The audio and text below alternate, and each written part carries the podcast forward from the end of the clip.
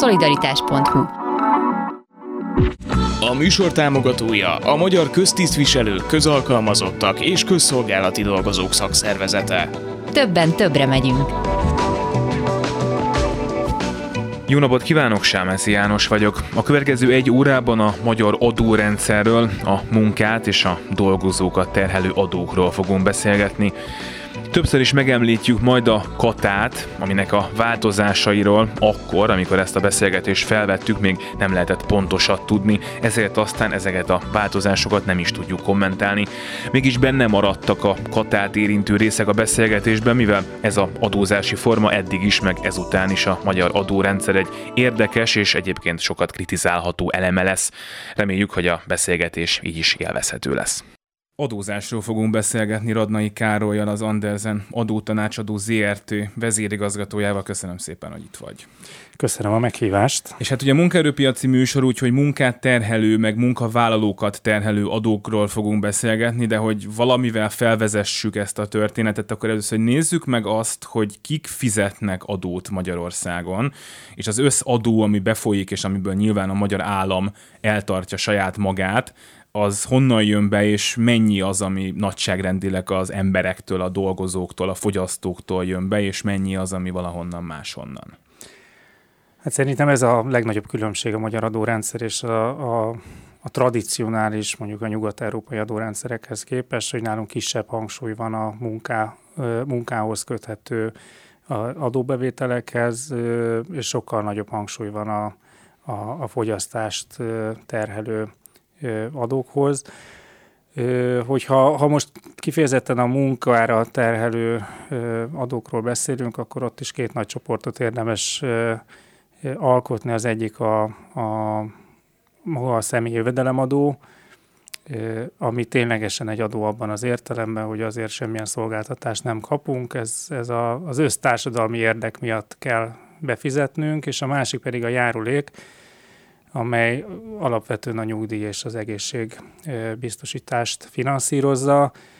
Ezért elvileg kapunk is szolgáltatást, tehát hogy ezért cserébe mehetünk orvoshoz, meg ezért cserébe kapunk majd nyugdíjat. Tehát nyilván most a, a, mennyire van a, a, az adó, vagy a járulék mértéke és a szolgáltatás minősége, meg mennyisége között összefüggés, ott az, az egy hosszú beszélgetés lehetne, de hogy alapvetően ez a, ez a fő különbség az adók meg a járulékok között. De hogy ez Magyarországon úgy nagyságrendileg körülbelül olyan 40-50 százaléka az összadóbevételeknek, míg más nyugat-európai országokban ez, ez jóval magasabb, és a másik 50 százalék az pedig, az pedig főként a, a, az áfa, áfa jövedéki adóvámok,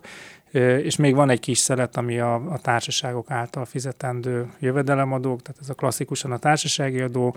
de azért ide értendő mondjuk az iparűzési adó,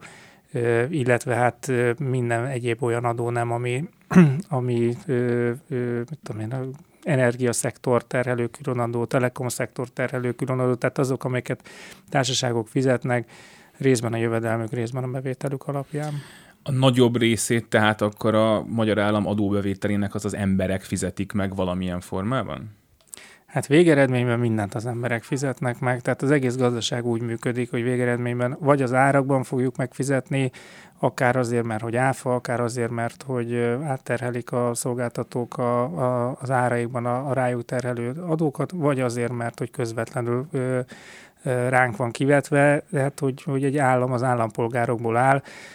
minden, minden jogi személy az igazából csak közvetítő szerepet tölt be, és a végeredményben mind magánszemélyek vannak. Ezek között a tételek között melyikek azok egyébként, amik a legjelentősebbek? Tehát azt szokták mondani, hogy van rengetegféle adó Magyarországon, de hogy ebből igazából néhány az, ami a magyar állam adóbevételének a jelentős részét azt kiteszi. Igen, a magyar adórendszer kapcsolatban nagyon sok pozitívum elmondható. Ezt tudom, hogy nem hallgatók általában nem így gondolnak az adórendszerre, mint valami nagyon pozitív dolog, de hogy, hogy egyébként nagyon sok pozitívum van a magyar adórendszerben, meg van pár negatívum is, és mondjuk egyébként pont ez a ez a fejnehéz állapota egy negatívum a magyar adórendszernek. Jelen pillanatban nem tudom pontos számot, de 50 fölött van az adónemek száma én ezt nem tudnám felsorolni, tehát hogy ez olyan sok, hogy, hogy én valószínűleg 20 valahánynál elakadnék, Tehát van csomó olyan pici adó nem, ami, ami nagyon kevés vállalkozást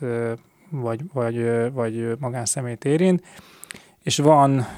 7 vagy 8 olyan adó nem, ami pedig a bevétel 90%-áért felel. Tehát ide tartozik klasszikusan a személyjövedelemadó, az áfa, a jövedéki adó, a, a járulékok, társasági adó, iparűzési adó,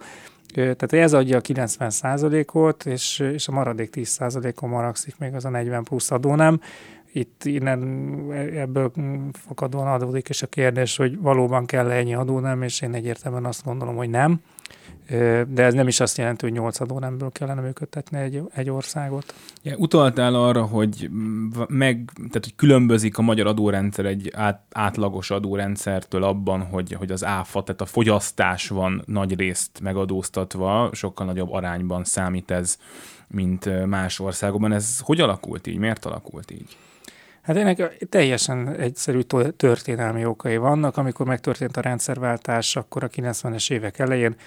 Magyarország is megpróbált egy olyan Nyugat-Európában tradicionálisan bevált progresszív adórendszert bevezetni, ahol a munkát terhelő adókon volt a hangsúly,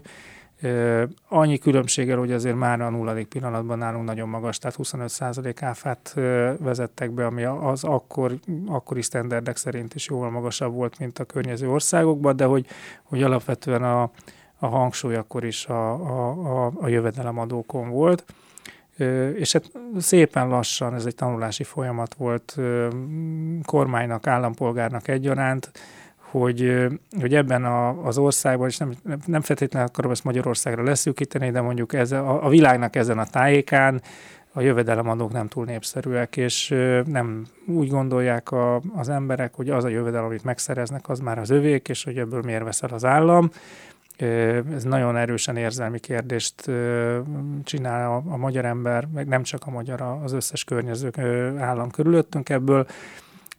és, és hát azt vették észre a, a, a jogalkotók, hogy ilyen, ilyen semlegesen fogalmazzak, hogy, hogy a, a közvetett adók, tehát ez az áfa jövedéki adó, amik az árakba becsempészve kerülnek megfizetésre, ez sokkal kevesebb problémát okoz a hétköznapi embereknek, nem látják, vagy nem érzik azt, hogy ők mindeközben adót fizetnek, és elindult egy trend, hogy, hogy, mm, hogy a jövedelemadókat folyamatosan csökkentsék, és ezeket pedig növeljék. Ezért van az, hogy Magyarországon, ugye a, a, a Európában egészen biztos, de a világon is az egyik legmagasabb áfakulcs van, ez a 27%-os áfakulcs, és itt egyébként nem is magára az áfa kulcs mértékére helyezném a hangsúlyt, hanem arra, hogy, hogy minden országban vannak eltérő adókulcsok, és ugye ez csak a legmagasabb adókulcs, de nálunk nyomasztóan nagy annak a, az aránya, hogy, hogy a, a mennyire széles bázist ez a 27%-os áfa kulcs érint, tehát más országokban sokkal nagyobb a, az aránya a, a kedvezményes adókulcsoknak, tehát hogy ez össz, összességében azért ez is egy, egy, egy sokkal magasabb áfa adóztatást jelent, és mindeközben elindultunk azon az úton, és ez nem feltétlenül mostani kormány, hanem már, már jóval korábban, tehát a 90-es évek végén elindultunk azon az úton, hogy a jövedelem adókat, és én ide most a munkát terhelő járulékokat is azért részben ide sorolnám, csökkentsük. Tehát mondjuk 90-es évek végén 44% volt a, a TB járulék, tehát az a, ez a szociális hozzájárulási adó mai nevén, tehát az, amit mondjuk a munka, munkabér után a, a munkáltatónak kellett fizetni, ez ugye már most már 13 ra csökkent, tehát érezhető, hogy, hogy milyen drámai a különbség. Volt egy progresszív adónk, aminek a felső kulcsa bőven 40% fölött volt, volt egy adómentes sáv, erről érdemes külön beszélni, hogy, hogy, hogy, hogy ez jó volt, vagy nem volt jó, de hogy, hogy most van egy 15%-os személyjövedelemadó kulcs, és, a, és ugyanígy a, a, a munkavállalók által fizetendő járulék kulcsok is, ha nem is olyan drámai mértékben, de szintén csökkentek. Ezt az áfa dolgot még feszegessük kicsit mondjuk két irányból is. Az egyik irány, hogy mondjuk lehet-e azt mondani, hogy itt a jogalkotó abban gondolkozik, amire egyébként te is utaltál, hogy egyszerűen a ilyen típusú adót nem akarjuk annyira elkerülni, mint a munkánkat, a fizetésünket terhelő adót, ergo ebből tényleg számíthat adóbevételre, szemben mondjuk, hogyha mi dolgozunk, és mondjuk minimálbérre vagyunk bejelentve, akkor meg abból sokkal kevésbé. Hogy akarjuk elkerülni, vagy nem, én abban azért nem gondolom azt, hogy nem szeretnénk elkerülni, tehát amikor megkérdezi valaki, hogy számlát kérünk róla, vagy nem, és akkor vagy, vagy van rajta áfa, vagy nincs rajta áfa, akkor ezért szerintem lehet, hogy javult valamit a helyzet, de szerintem nem drámai. Ami, ami nagy különbség volt az, hogy most hogy a, a digitalizációval azért nagyon megváltozott a, az adófizetési hajlandóság. Ugye ez az online pénztárgép bevezetése, az online számlázás, hogy számladat szolgáltatás, hogy minden kibocsátott számláról azonnali jelleggel kell adatot szolgáltatni az adóhatóság felé, és így aztán az adóhatóságnak is a mozgástere a a, a vizsgálati módszere az alapvetően megváltozott, és sokkal fókuszáltabban azokra a területekre tudott koncentrálni, ahol, ahol azt tapasztalta, hogy nagyobb lehet az adó elkerülés, tehát mondjuk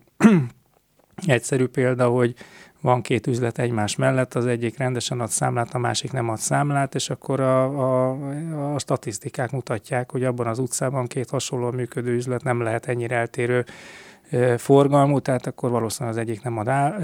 számlát, és akkor oda, oda küldik az adó ellenőröket, kétszer vizsgálnak, kétszer megbüntetik, és akkor utána a következő hónaptól már azt látják, hogy, hogy ők is adnak rendesen számlát. Tehát, és közben pedig nem, nem bántotják az, azt, azt az üzletet, aki egyébként meg úgy tűnik, hogy hogy rendesen megfelelt a szabályoknak, tehát, és így aztán nagyon szépen fehéredik a piac, és ugye általában az az érzése lesz a vállalkozóknak, hogy megéri tisztán működni. Most persze egy picit idealisztikusan mm, foglaltam össze a dolgot, de hogy, hogy nagyjából ez történik, tehát ezért van az, hogy, hogy, hogy nem csak a, a hajlandóság növekedett meg a, a, a, a hétköznapi emberekben áfát fizetni, hanem igazából nem nagyon van meg az az, az opciójuk, hogy eldönthetik, hogy kérnek-e számlát, vagy nem. És ezért aztán nagyon megemelkedtek az adóbevételek, de ezt mondjuk, hogy össztársadalmi szinten nézzük, hogy ha, ha áfában ennyire megemelkednek a, a bevételek, és ezért aztán a, ha mindenkori kormány tudja csökkenteni a többi adót, azzal, hogy úgy átlagban nagyjából szinten tartják az adóterhelést, akkor ettől aztán lehet, hogy jobb érzése lesz a, a hétköznapi állampolgárnak. Most itt a magas infláció időszakában egy nagyon jellemző és gyakran elhangzó követelés az, hogy, hogy csökkentsenek áfát. Ugye felszakott merülni ez a 0% is bizonyos élelmiszerekre, ami hát elvileg uniós szinten egy szabálytalan lépés lenne, de van, aki csinál ilyet. Meg hát szokták mondani, hogy a szegényeknek, akik elsősorban élelmiszer fogyasztanak, meg elsősorban boltokban vásárolnak, ez, ez milyen rossz, mert tehát ők, ők nagyon-nagyon sok adót fizetnek, holott kevesebbet kéne, de a kérdés az, hogy egy ilyen, az ilyen módszerek, az ilyen áfa csökkentő módszerek egyrészt működnének-e, másrészt pedig, hogyha mondjuk nem áfából szedi be az állam azt az adóbevételt, akkor meg beszedi máshonnan, és az is végeredményben ugyanúgy az emberek fizetik meg végül majd valahol. Igen, sajnos az infláció az nagyon hasonlít az áfára abban az értelemben, hogy az mindenkinek az adója, és kevésbé vesszük észre. Tehát aki többet foglalkozik közgazdaságtannal, vagy, vagy, a, vagy a, önmagában a gazdasággal, akkor ez talán erre egy kicsit érzékenyebb, de egyébként az a szomorú tapasztalat, hogy az infláció az nagyon eredményes mondjuk az adóbehajtás szempontjából, tehát hogy Emiatt aztán kicsit szkeptikus is vagyok abban, hogy, hogy, hogy most a kormány mennyire lesz elhivatott abban, hogy, hogy csökkentse az inflációt, mert ez a legegyszerűbb mondja az adóbevételek növekedésének, és sokkal kisebb krízist okoz, vagy, vagy társadalmi feszültséget okoz, bármennyire is szomorú az infláció, mint hogyha ha bizonyos társadalmi csoportokat célzottan, vagy mondjuk egy, azt mondanám, hogy megemeli az eszélyát. Tehát, hogy arra valószínűleg sokkal érzelmileg sokkal jobban felhorgadna itt a, a, a, a közvélemény, mint hogyha egyébként egy van egy plusz 2-3 százalékos infláció, amit hogyha annak az áfa tartalmát nézzük, akkor az mindjárt olyan, mint hogyha plusz 1 százalékkal növelnénk az esziát. Tehát végeredményben majdnem ugyanott vagyunk, és igen, ez, ez egy nagyon jó összefoglalás, amit mondtál, hogy sajnos ez a szegények adója, mert a, a gazdagok ugye a jövedelmüknek egy nagy részét nem tudják elkölteni, hanem megtakarításba, befektetésben teszik, aznak nincsen közvetlen adó következménye. míg a szegényebbek alapvetően fogyasztásra költik, és hogyha a jövedelmének azt nézzük, hogy hány százaléka megy mondjuk áfára,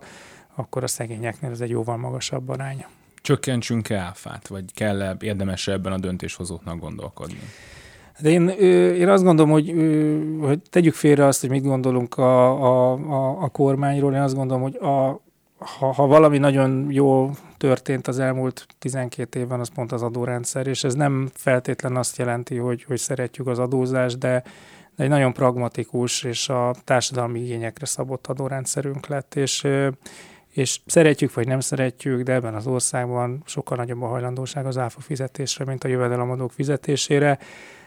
és sokkal biztosabb bevétel, és a végeredményben azért a, egy államnak nem azt kell néznie, hogy, hogy mennyire akar igazságos lenni az adóbeszedés módjában, hanem hogy hogyan szeretne működni, arra mennyi pénze van, és ezt, ezt az adót valahonnan be kell szerezni, minél hatékonyabban, és hogyha az a tapasztalat már pedig az elmúlt sok, sok évtizedben az a tapasztalat, hogy az áfa az egy biztosabb bevétel, mint a jövedelemadó, akkor én azt gondolom, hogy nem szabad áfát csökkenteni és pont a digitalizáció volt az, ami nagyon jól rámutatott arra, hogy, hogy már nem igazok azok a korábbi közgazdasági összefüggések, hogy a túlzottan magas áfa az kontraproduktív lesz, és, és igazából a fekete gazdaság miatt több áfa fog kiesni, mint, mint bevétel mert pont azt látjuk nemzetközi összehasonlításban, hogy a, ezzel a digitalizációval Magyarország nagyon előre szaladt, és, és nemzetközi összehasonlításban is nagyon alacsony lett az áfa, és ez, az a, ez lényegében a, a kifolyó áfa, ami nem, nem, nem jön be a, a költségvetésbe, hogy ez, ez, ez európai összefüggésben is az egyik legalacsonyabb. Tehát ez egy alapvetően ellenmondásosnak tűnik, de egyáltalán nem az, hogyha azt nézzük, hogy hogy a, a társadalom alapvetően így van kondicionálva, hogy inkább áfát fizet, és, és közben meg a behajtás ennyire sikeres. Nézzük meg a munkát terhelő adókat. Ugye jó pár évvel ezelőtt volt egy ilyen nagyon leegyszerűsítő mondás, nyilván akkor is az volt, de aztán azóta az adókedvezmények időszakában meg végképp az, hogy hát ez körülbelül úgy néz ki, hogy van a munkaadónak egy költsége, és annak a fele körülbelül a bér, és a másik fele meg nagyjából megy az államnak. Ez ez hogyan alakult azóta, vagy most hogy van? Ez valóban így volt, ez most már nem ilyen rossz az arány. Ugye nagyon fontos az, hogy, hogy milyen átlagbért nézünk, hogy átlagbért nézünk, minimálbért nézünk, most a nemzetközi összehasonlítások miatt, hogy Magyarországon hogy minden, minden adó egy kulcsos, tehát ugyanazt a járulékot fizetjük, nincsen benne korlát, ugyanazt az esziát fizetjük, tehát nálunk igazából a minimálbér és a, az 1 milliárd forintos munkabér is, ha lenne ilyen, az is pontosan ugyanan arányjal adózna. Ez most nagyságrendileg kb. 40% az állam és 60% marad a, a, a magánszemélynél, hogyha most ebbe beleszámoljuk a munkát, tehát a munkáltatót terhelő adókat is. És ez nemzetközi összehasonlításban egyébként magasabb, mint az átlag, ezzel inkább az első harmadba tartozunk de hogy, itt nagyon sokat számít az, hogy, hogy, hogy mi az a, tehát hogyha az átlagbért nézzük, vagy kifejezetten a minimálbért nézzük, akkor ez nagyon magasnak számít ez a 40 százalék, hogyha a magasabb fizetéseket nézzük, akkor meg egyáltalán nem, vagy még alacsonyabbnak is minősül. És itt, itt indulnak el akkor ezek a beszélgetések, hogy ez most igazságos vagy nem igazságos aminél én, hát én meglehetősen leegyszerűsítő módon úgy látom, hogy ennek az vitának teljes semmilyen értelme nincsen, mert hogy, hogy az igazság az nem egy objektív fogalom, tehát mindenkinek mást jelent az igazság, itt a hatékonyságot kell nézni, és hogyha Magyarországon hatékonyabb így adót beszedni, mint, mint mondjuk egy ilyen vélt igazságos progresszív rendszerben, akkor ezt kell alkalmazni. Mert végeredményben az a fontos nekünk,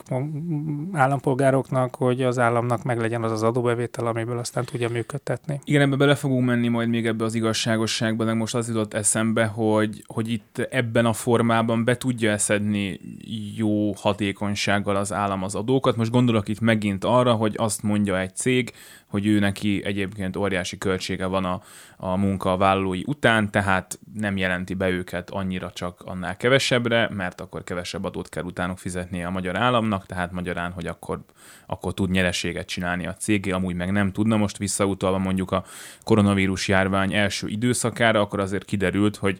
lehetett is sejteni, hogy vannak olyan szektorok, a vendéglátás, ahol azért nem kapnak bértámogatást a munkavállalók, mert nem nagyon voltak bejelentve, vagy ha be voltak, akkor minimálbérre. Tehát magyarán, hogy mennyit tudott a magyar állam az elmúlt években mondjuk ezzel a szürke zóna ellen hatékonyan harcolni. Szerintem rengeteget tudott, de hogy ez egy folyamat, aminek abszolút a, nem is az elején, de nagyon nem a végén vagyunk. Folyamatosan fehéredik a, a magyar gazdaság, és ez a, a miközben egyébként tényleg a munkát terhelő adók csökkennek, az adóhatóság is mind jobban oda megpróbál odafigyelni arra, hogy, hogy egyébként a, az iparágok összességét a, az adófizetésbe terelje. Ugye az a legrosszabb, mondjuk a vendéglátóipar ebből a szempontból egy nagyon jó példa, hogy az a legrosszabb, hogyha ha megengedő az adóhatóság, és elnézi azt, hogy, hogy trükközés van, mert akkor így a tisztességesen működő, magasabb adókat megfizető vállalkozások rosszabbul járnak azok, azokkal szemben, akik egyébként megtrükköznek. Tehát itt egy nagyon fontos szerepe van az adóhatóságnak, bármennyire nem szeretjük, hogyha ha vizsgál minket az adóhatóság. De én akkor itt mindjárt ide keverném a katát, ugye ez egy most egy nagyon forró téma, hogy, hogy mit fognak változtatni, és a kat az azért érdekes dolog, mert hogy, hogy kettős szerepe volt a katának, egyrészt volt a, a, a vállalkozás amit te is mondasz, hogy, hogy nagyon bonyolult a, a, az adókat adminisztrálni, és hogy, hogy szeretett volna a kormány egy olyan adónemet bevezetni, ami, ami nagyon egyszerű, és hogy, hogy tényleg ne, ne azon menjen el az energia, hogy, hogy kell nekem könyvelő, és akkor hol tartom nyilván, és megy, hol átlépem a küszöböt, és akkor most nem tudom, hanem, hanem legyen egy egyszerű havonta megfizetendő általány, illetve hogy, hogy kellően attraktívnak kellett lennie, hogy, hogy bizonyos társadalmi csoportok az adó, adózás alá kerüljenek. Hát magyarán, hogy inkább fizessél viszonylag keveset, de fizessél. Igen, de és ebben a szempontból a Katta egy abszolút sikertörténet. Én, amikor bevezették, én nagyon szkeptikus voltam vele kapcsolatban, és azt kell mondanom, hogy én tévedtem. Tehát, hogy a kormánynak volt igaza, hogy, hogy ez, egy, ez egy tényleg nagyon hatékony megoldás volt. Tehát hogy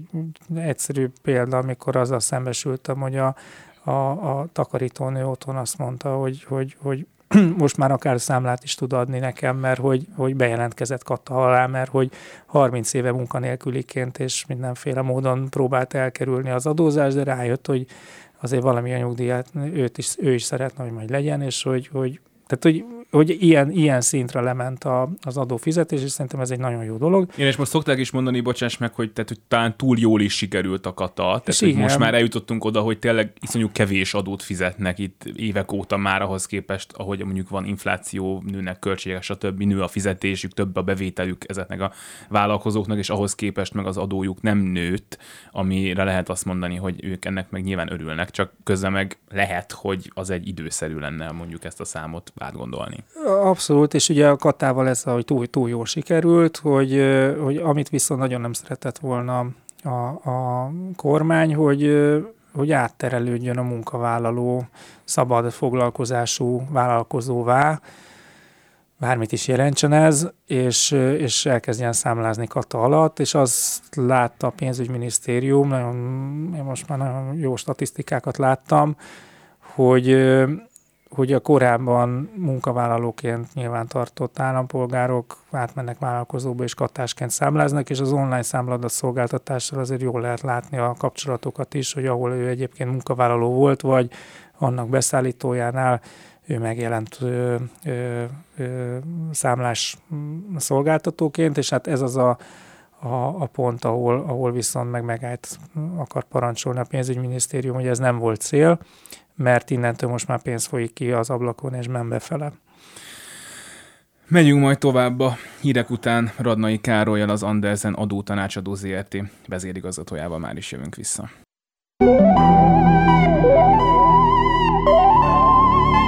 Szolidaritás A Klubrádió munkaerőpiaci műsora Rodnai Károlyjal, az Andersen adótanácsadó ZRT vezérigazgatójával beszélgetünk adózásról, és akkor szerintem most van az, amikor az igazságosság kérdését elkezdhetjük kapirgálni egy kicsit. Ugye utaltunk arra már korábban, hogy az alacsony bért keresők, azok, azok viszonylag sok adót fizetnek a, a munkájuk után, szemben a magasabb bért keresők már összehasonlítva más országokban meg annyira nem keresnek, és Hát ezt ugye rengeteg kritika szokta érni, és akkor mondjuk nézzük meg azt, hogy mi lenne akkor, hogyha lenne egy 0%-os kulcs, és mondjuk a minimálbér, vagy egy picit felette az, az nem adózna mondjuk személyi jövedelemadót, mennyivel jobb lenne akkor, mondják nagyon sokan. Hát mindjárt azzal kezdeném, hogy, hogy megkérdezem, mi az az igazságosság, mert hogy ez, ez egy megválaszolhatatlan azt szoktam erre mondani, hogy az igazságos adórendszer az leginkább az szokott lenni, hogy én ne fizessek adót, de a szomszéd igen, az nekem igazságos, de a szomszéd ezt pont fordítva gondolja, neki meg az az igazságos, hogy ő nem fizet, és én, tehát hogy, hogy ezen ilyen éjszakákban menő vitákat lehetne folytatni, hogy mi az igazságos. Én ezt meg szoktam fordítani, hogy, hogy ha igazságosságról beszélünk, akkor inkább az állami újraelosztásról kellene beszélni, hogy az mennyire igazságos, mert ott, ott ténylegesen szubjektív döntések játszanak szerepet. Az adórendszernek meg, meg hatékonynak kell lennie. Tehát az adórendszernek a, a, a szerepés szerintem ez egy, ez egy, sokszor ez egy, egy félreértés, annak nem egy szociális intézkedésnek kell lennie. Az adórendszer arra van, hogy az állam pénzhez jusson azért, hogy utána az, a közfeladatokat el tudja látni. És most megint tegyük félre azt, hogy most mit gondolunk a mai államról, itt most tényleg az elvekről kell beszélni, hogy, hogy az államnak kell egyszerűen a működéséhez egy bizonyos összegű pénz, amit így vagy úgy de be kell szednie. És ezt el lehet menni ilyen igazságossági kérdésekbe, de teljesen felesleges. Az államnak mindig azt kell néznie, hogy hogy hatékony beszednie, tehát hogy, hogy hogy kik azok a társadalmi csoportok, akiktől, hogyha adót szed, akkor ők mondjuk egy, erre hogyan fognak reagálni, hogyha ők úgy fognak reagálni rá, hogy átmennek szürkébe, és nem fognak később adót fizetni, akkor ez egy nem egy hatékony mód. Ha, ha kiszemelek magamnak egy másik csoportot, és őket túlzottan meg akarom adóztatni, és erre ők úgy reagálnak, hogy befejezik a vállalkozási tevékenységüket, mert ennyire már nem éri meg, akkor bármennyire is igazságosnak hatott, hogy nekik pedig van pénzük, ez sem egy hatékony. Ha, ha, és akkor meg annyi példát tudnék mondani, az látszik, hogy, hogy az, a, az a hatékony adórendszer, ahol minél szélesebb a bázis, tehát hogy minél többen fizetnek egységnyi adót, és hogy ezt próbáljuk ellaposítani, hogy, hogy egyébként senkit se a megélhetésében ez ne, ne érintsen károsan, illetve egy perspektívát adni, hogy ne legyen az, hogyha még több jövedelmet termel, akkor utána a hozzáadott jövedelem az már sokkal magasabb értékkel, ugye ez kontraproduktívá tudja tenni. Ez a, például a Katárnál ez egy, hogy visszakanyarodjak nagyon röviden, ez egy, ez egy alapvető probléma, hogy a 12 millió forintos küszöb felett nagyon sokan megállnak, nem szeretnek tovább dolgozni, mert úgy érzik, hogy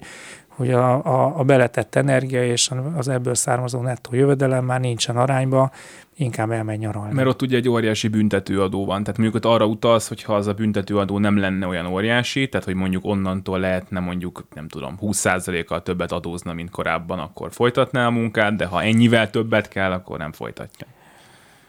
Én már azonnal vitatkoznék a büntetőadó kifejezésen is, az egy adó, tehát hogy az nem egy büntetőadó, senkit nem büntetnek uh-huh. meg, egyszerűen így működik ez a rendszer,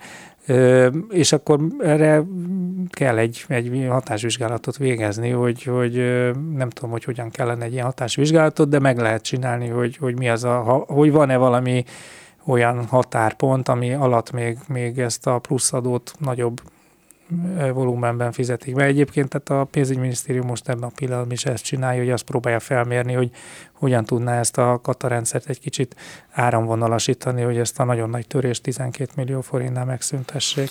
De ugorjunk picit oda-vissza, hogy ugye vannak, meg itthon is volt olyan, amikor a alacsony bérek azok, azok nem fizettek esziát, ez nem működött? Vagy máshol működik nálunk, nem működne? Igen, ez sajnos máshol működik. A, mindenki óva intenék, hogy nyugat-európai példákat idehozva azt gondolja, hogy ami ott működik, az majd nálunk is fog működni. Nálunk az volt a szomorú tapasztalat, és hogy ez nem,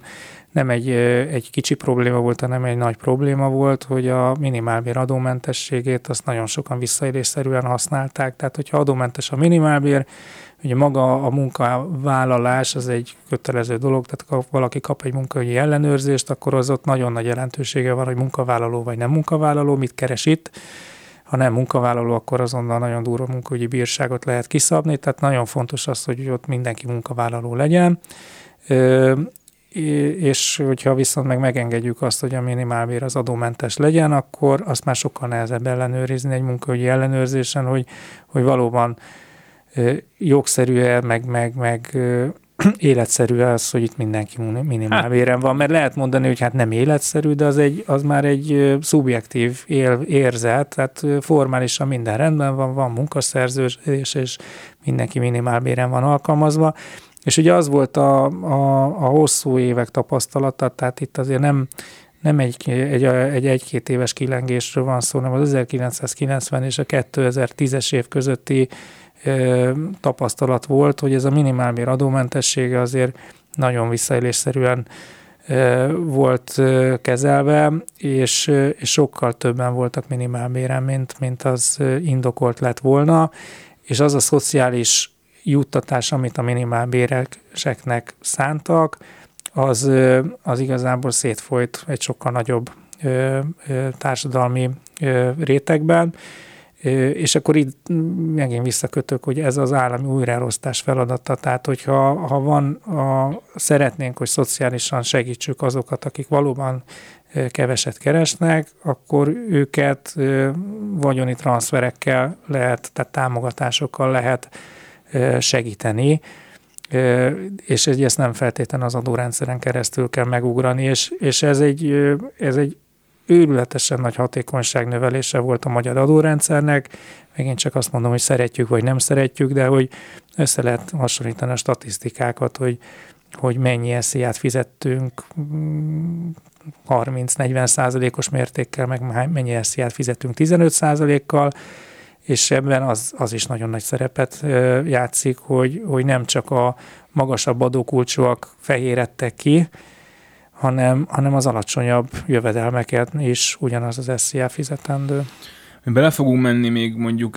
családtámogatásokba egy picit, de hogyha még itt az igazságosság, nem igazságosság kategóriánál maradunk, akkor az ugye az egy vagy több kulcsos adórendszer kérdése felé viszel minket, ami mondjuk nyilván megközelíthető úgy is, hogy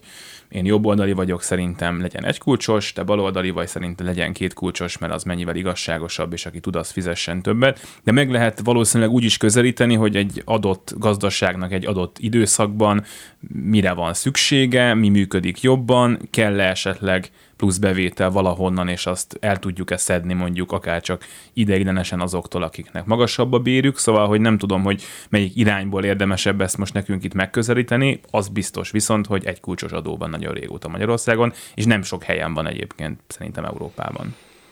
Hát inkább azt mondom, hogy a világnak ezen a táján van. Tehát, hogy ö,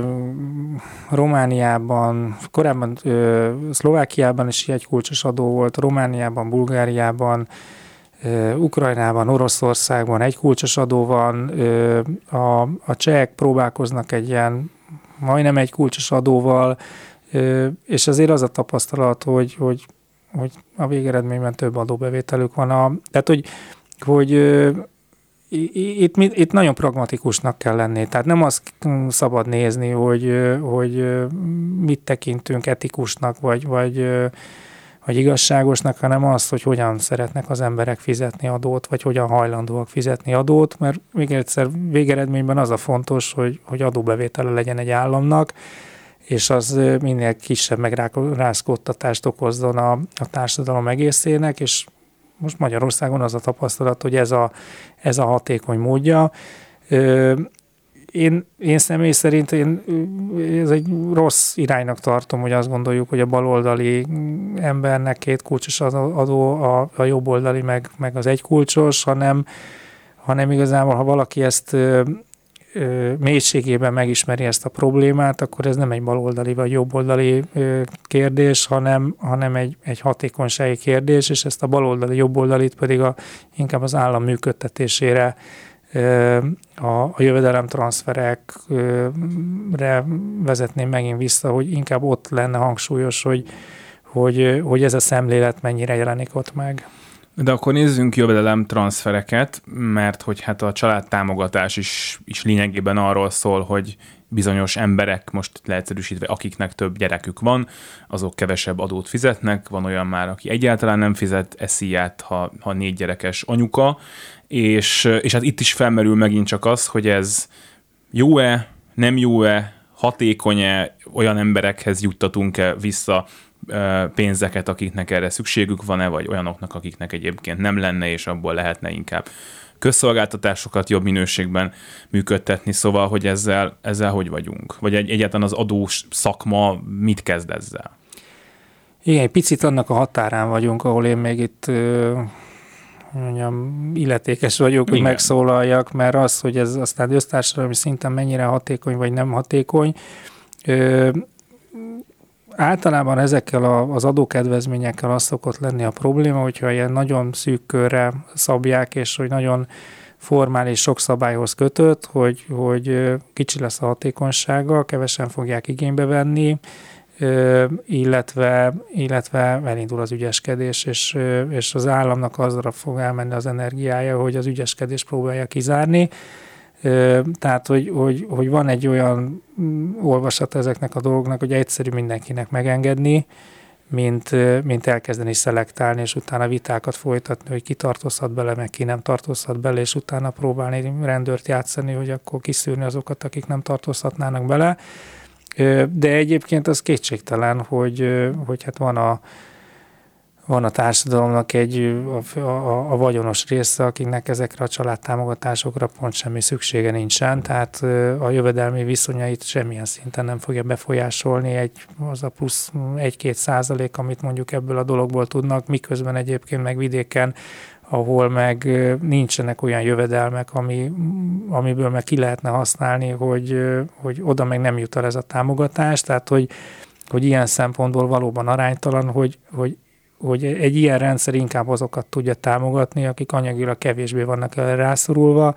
azok, akik meg rá vannak szorulva, azoknak meg egyszerűen a jövedelme nem olyan, hogy ki tudnák használni abban az összegben. Illetve hát az is egy ilyen probléma ezekkel a nagyon általános kedvezményekkel, és akkor a, a mondjuk a csokot tudom ide sorolni, hogy, hogy ezek egy ilyen, ilyen konjunktúra időszakban nagyon gyorsan beépülnek a, a fogyasztói árakba, tehát hogy sajnos ennél a csoknál is azt láttuk, hogy amikor a 10 millió forinttal bevezették, akkor az ingatlan árak teljesen máshol voltak, mint most, és, és pont ez adott neki az ingatlan árak növekedésének egy nagyon nagy lökést, amitől aztán pont azoktól vették el a, a csok előnyeit, aki, akinek nagyon korlátozottak voltak az anyagi lehetőségei, és igazából azok jártak jól, akiknek ingatlan vagyona volt, vagy akiknek egyébként meg nem feltétlen számított annyit a csok.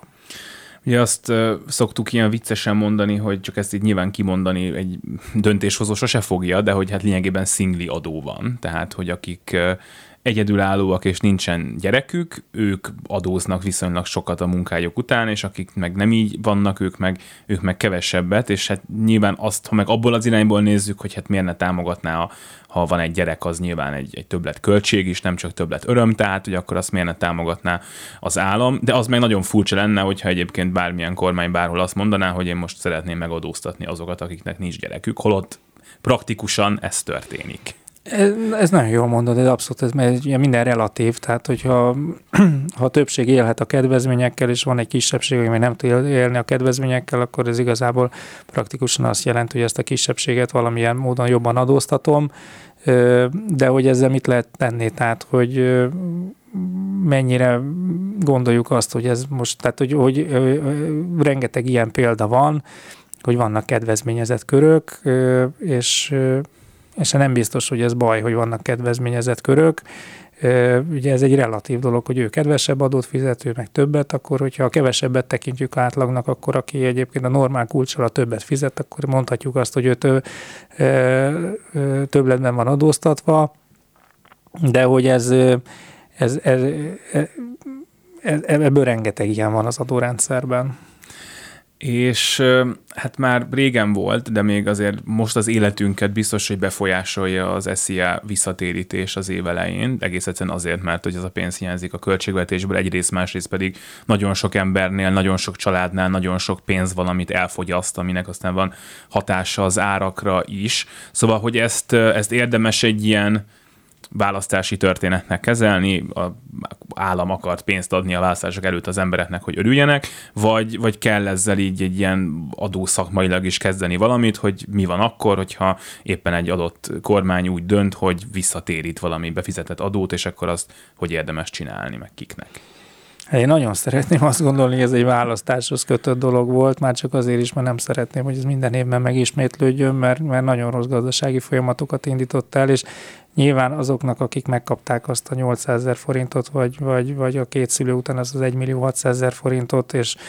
esetleg mondjuk ezért tudnak most elmenni nyaralni, ők ezt teljesen máshogy élik meg érzelmileg, de összgazdasági szinten ez egy nagyon rossz dolog volt.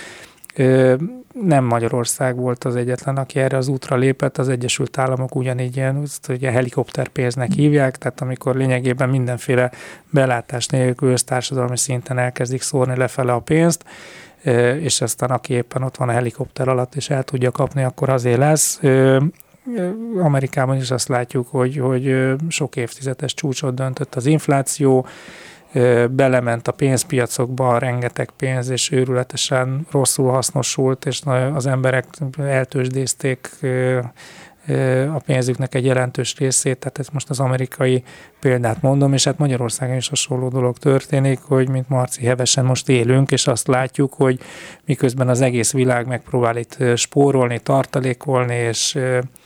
háború van mellettünk, ettől függetlenül a magyar gazdaságban még mindig azt látjuk, hogy őrületesen nagy a fogyasztás, ez még jobban nyomja az egyébként is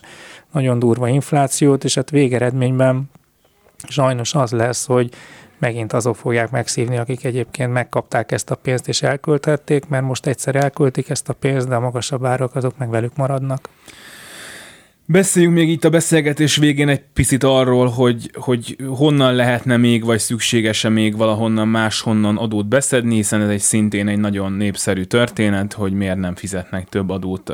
az emberek helyett a cégek. Már ugye utaltunk rá, hogy végeredményben aztán azt lehet, hogy az emberek fogják megfizetni, de hát, hogy itt vannak a, multinacionális cégek, akik milyen kevés adót fizetnek, még kedvezményeket is kapnak, és hát mennyivel jobb lenne, hogyha tőlük szedné be a magyar állam azt, ami a költségvetésen mondjuk egy lyuk. Szóval, hogy te látsz-e még olyan fajta ilyen elkerülhetetlen vagy szükséges változást a magyar adórendszerbe, ami kéne akár ebbe az irányba, akár bármilyen más irányba? Nem, tehát én pont az ellenkezőjét gondolom, én nagyon rossz iránynak tartom ezeket a különadókat is.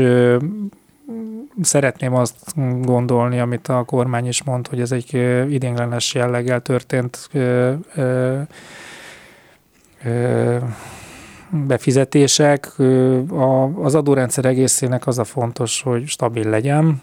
az a jó adórendszer, ami kiszámítható, ami hosszú éveken keresztül ugyanúgy működik, és ez aztán a gazdasági folyamatok tudnak alkalmazkodni, és ennek a, a magyar adórendszernek egyébként az alapvetően a szerkezete az szerintem jó. Tehát megint szeretjük, nem szeretjük, hogy ennyi az SZIA, vagy ennyi a társasági adó, hogy ilyen alacsony, vagy ilyen magas az áfa, de hogy alapvetően az adórendszer szerkezete jó, ami irányban szerintem érdemes lenne elmenni, hogy, hogy van nagyon sok olyan adó, ami, ami felesleges, és ezeket inkább ki kellene vezetni. Én nem hiszek abban, hogy azért, mert a multikat jobban megadóztatjuk, itt össztársadalmi szinten bármi jobb lesz. Vannak esetek, amikor valóban indokolható, hogy mondjuk egy olyan mm, vállalat, aki alapvetően közszolgáltatásokat nyújt, és ezek a közszolgáltatásoknak az ára például az energiákon keresztül mondjuk megnövekedne, és akkor ezt mondjuk megadóztatja. Ez most idealista példa volt, mert most ilyen Magyarországon éppen nincsen, de ugye ezekben a kilonadókban is mondjuk meg lehet találni azt, hogy ha a, a kamatmarzsra kivetett különadó, hogy a, a, a bankok nem fizetnek a betéteseknek kamatot, de egyébként pedig a közben államilag támogatott hiteleken pedig kamatbevételük van, és ez, ez például pont az állami támogatás miatt nekik egy ilyen plusz profitot ad, ad akkor ideig óráig ezt meg lehet adóztatni. Ezeknek az üzenetértéke nagyon rossz, tehát hogy, hogy a vállalkozások nem úgy szoktak gondolkodni, hogy na jó, az nem érdekel, hogyha a másikat megszivatják, hanem ettől megijednek. Tehát mi lesz, hogyha én leszek a következő, mennyire kiszámítható, hogyha így egyik pillanatra a másikra fenekestül fel lehet forgatni a magyar adórendszert, akkor mennyire kiszámítható az én jövőm, és ezért nem tartom ezeket jó jó ötletnek, hanem inkább azt tartom jó ötletnek, hogy, hogy akár még, még magasabb átlagban is tartani a, a, az adókat, de az kiszámíthatóan sok éven keresztül ugyanúgy. És akkor így a legvégén, hogy szerinted a magyar költségvetés az elég adót szed be? Most értem ezt úgy, beszéltünk arról, hogy nem feltétlenül az adórendszeren keresztül kell mondjuk szegény embereket segíteni, hanem a különböző társadalmi transfereken keresztül, meg jó közszolgáltatásoknak a működtetésével, stb. Szóval, hogy lenne elég pénz mindenre, és akkor a kérdés már csak az, hogy mit csinál az éppen aktuális kormány, vagy, vagy az is lehet egy baj, hogy a magyar költségvetésben kevés a pénz, és akkor ezért aztán idén erre nem jut, jövőre meg balra nem jut, amire meg milyen jó lenne, ha jutna. A, legnagyobb különbség mondjuk a 15 évvel ezelőtti gazdasági válsághoz képest, hogy akkor nem volt elég adóbevétele. A, a, a hirtelen gazdasági recesszió miatt nagyon lecsökkentek az adóbevételek, és ehhez kellett igazítani hozzá a költségvetés. Most egy konjunktúrában vagyunk, soha nem látott magas adóbevételei vannak a költségvetésnek, tehát csak idén 20%-kal növekedtek a, a, az adóbevételek a tavalyihoz képest. Nem az adóbevételek oldalán van a probléma, hanem a kiadások oldalán. És a kiadásoknak ugye részben a az elmúlt éveknek azt gondolom részben hímás gazdaságpolitikája, az a pénzszóró gazdaságpolitikája, ami, ami szép lassan, de évről évre rakódik, és aztán egy idő után lesz nagyon súlyos. Tehát mondjuk például ezek az államilag támogatott hitelek, ami megint csak én értem, hogy nagyon jó ilyet kapni, de hogyha mindenki ilyet kap, és nagyon sokan élnek ezekkel az állami támogatott hitelekkel, és ez 20 éven keresztül fogja nyomni a költségvetést, akkor ez 20 évig lesz probléma és nem biztos, hogy mindenkinek kellett volna államilag támogatott hitelt kapnia, és illetve hát ugye a külső hatások, amire meg most nagyon, nagyon nehezen tudott reagálni a, a költségvetés, hogy ezek együtt olyan szorító, szorítást jelentettek, hogy, hogy, hogy exponenciálisan megugrott a kiadási oldal, és ez az, amivel nagyon nehezen tud mit, mit kezdeni a pénzügyminisztérium. Köszönöm szépen. Radnai Károlyjal az Andersen adótanácsadó ZRT vezérigazgatójával beszélgettünk. Nagyon szépen köszönöm a meghívást. A műsor Gerendai Bals Ágnes szerkesztette a technikus Gál Bence volt. Nagyon szépen köszönöm, hogy itt voltak. Minden jót. A műsor támogatója a Magyar Szakszervezeti Szövetség, Magyarország legnagyobb érdekképviseleti szervezete.